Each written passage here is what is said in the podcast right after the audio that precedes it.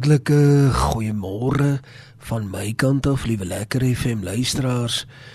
Daar is nie 'n groter eer as om onsself met sy saak te omgord nie. Dat sy naam geskrywe staan op ons deurposte dat sy goedheid en goedendierenheid dan nou ook aan ons kinders en kleinkinders en almal rondom ons geleer word dat almal sal weet hoe groot die Here is deur die woord van my getuienis deur dit wat ek praat. Ek kry so dikwels mense wat baie vinnig is om te sê dat hul geestelike saak is eintlik 'n private saak is eintlik iets waaroor hulle nie regtig baie wil praat nie. Dis dis te naby aan die hart. Dis privaat.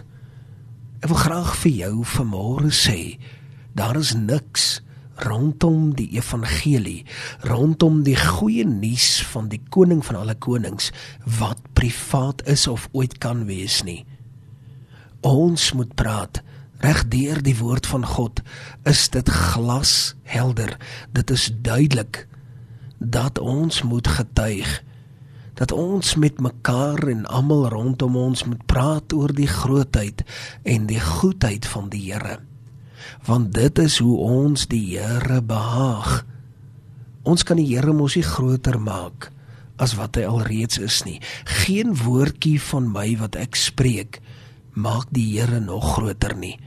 Die Here is alreeds so groot soos hy is Hy is almagtig, alomteenwoordig. Hy is so groot. Maar wanneer ek hom eer en prys uit my mond uit, dan strek sy hand binne in my lewe baie groot. En dit op die ou einde van die dag is die groot geheim wanneer ek die Here groot maak. En kom ons doen dit vanmôre. Kom ons maak 'n vaste besluit Ons sê vanmôre vir mekaar, kom ons eer die Here. Ons gee hom net eer in die midde van ander mense. Kom ons gee mense, kom ons gee die Here die eer voor mense. Moet nooit met 'n Bybel onder die arm probeer loop nie. Dit sal nooit suksesvol wees nie. Inteendeel sal jy dan mense wegstoot van jou af. Maar praat oor die grootheid van die Here. Vind 'n manier wat smaakvol genoeg is in hierdie moderne kommunikasie van ons as mens 'n smaakvolle manier om die Here te verheerlik vanweë sy goeie dade in jou lewe en in my lewe. Die Here is goed vir ons. Die Here is almagtig. Ons sien sy hand beweeg. Ons sien sy grootheid. Ons ervaar sy teenwoordigheid. Hy is groot en veral deur sy woord en hier deur sy woord wil ek vandag vanweë 'n goue aar begrip wil ek so bietjie uit Esegiel praat en so bietjie 'n paar gedagtes na vore bring. Dit is die wonderlike die wonderlike beginsel van die woord is dat hy geïntegreer is en dat daar wanneer jy hom lees dat daar iets wat sentraal is, iets wat die kern is wat heeltemal uitstaan wat jou gees kom aanraak. En die oomblik wanneer jou gees aangeraak word en voel dan wil ek nou vanmôre vir jou sê dan sal ander dit ook gewaar. En ek wil vanmôre vir jou oorwegings net, net vir jou oorweging net so 'n paar gedagtes vanuit die boek van Esegiel kom deel en, en Ek wil vra dat jy saam met my vanmôre sal iewers waar gaan sit. Miskien daar iewers in 'n vertrek waar jy altyd lekker stil word. Bring jou hele gesin saam. Hulle wat al wakker is en hulle wat al gereed is, en bring hulle saam en kom ons sit saam vir 'n oomblik. Hierdie volgende 15 minute behoort aan die Here. Dit is jou tyd met hom en sy tyd met jou. Kom ons Kom ons sit so saam. Ons gaan net vinnig 'n gebed doen vir môre. Here, baie dankie. Dankie, dankie, dankie vir u grootheid. U is koning, u is bovenal. U is begin en einde en ek wil u eer vir môre en saam met my Medeluisteraars vanmôre wil ons aan U al die lof en die eer toeswaai. Ons as 'n radiostasie eer U en ons weet Here dat U guns op ons sal rus wanneer ons dit doen. Dit maak ons opgewonde. Dit maak ons bly want ons weet U is in beheer. In Jesus naam. Amen. En amen.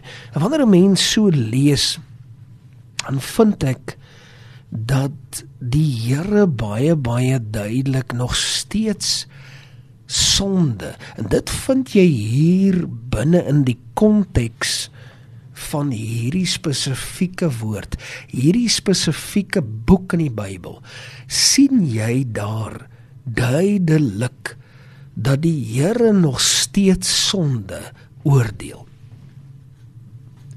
Jy weet ek ek ek vind dit baie maal in ons moderne wêreld is dit amper asof die mensdom begin gewoond raak aan 'n sekere manier van hoe die wêreld werk en en hoe ons as mens basies funksioneer. Ons funksioneer op 'n sekere manier en dit vind vir my telke male plaas hoe langer die tyd aanbeweeg hoe meer ons moderniseer hoe meer ons 'n moderne wêreld word met sekerlik die hoogste gehalte van tegnologie wat jy in jou lewe al gesien het. As jy maar net moet kyk hoe inligting op die punte van jou vingers beskikbaar is waartoe ek 'n kind was moes jy na die ensiklopedie gegaan het.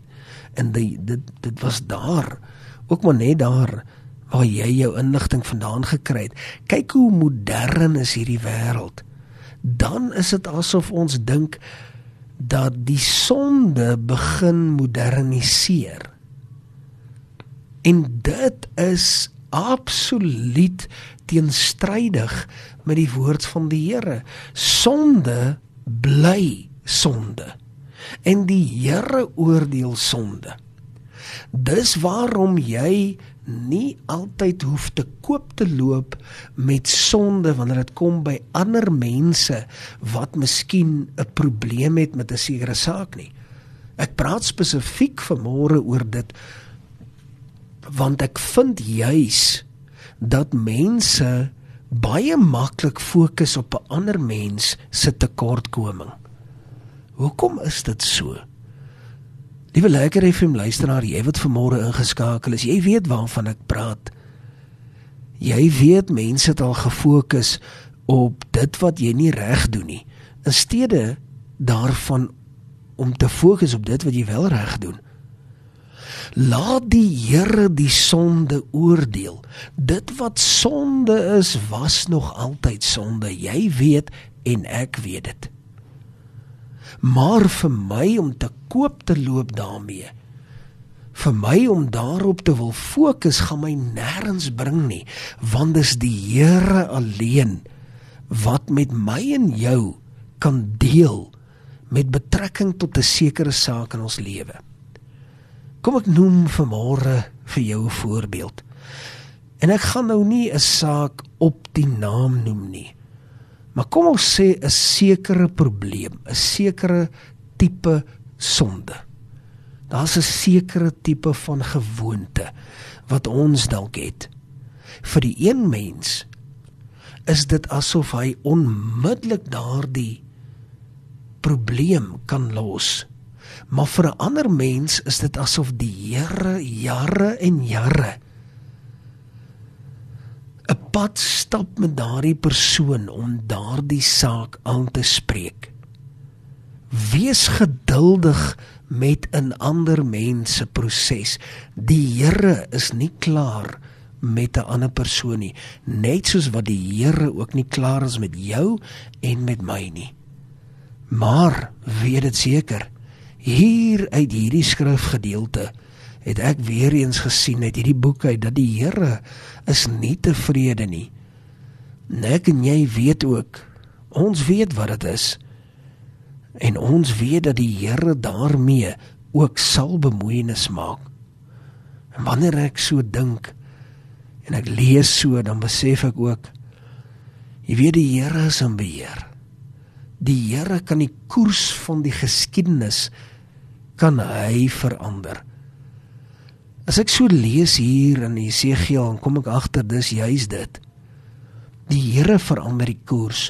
As die Here besluit om die saak 'n bietjie links te stoot, dan gaan dit van nou af links wees. As die Here besluit nou roep ons halt op Here op die hele saak, dan gaan dit stop. En as die Here uiteindelik 'n besluit moet neem dat die saak 'n bietjie meer regs beweeg, dan beweeg dinge regs. Ons weet die Here maak die besluite.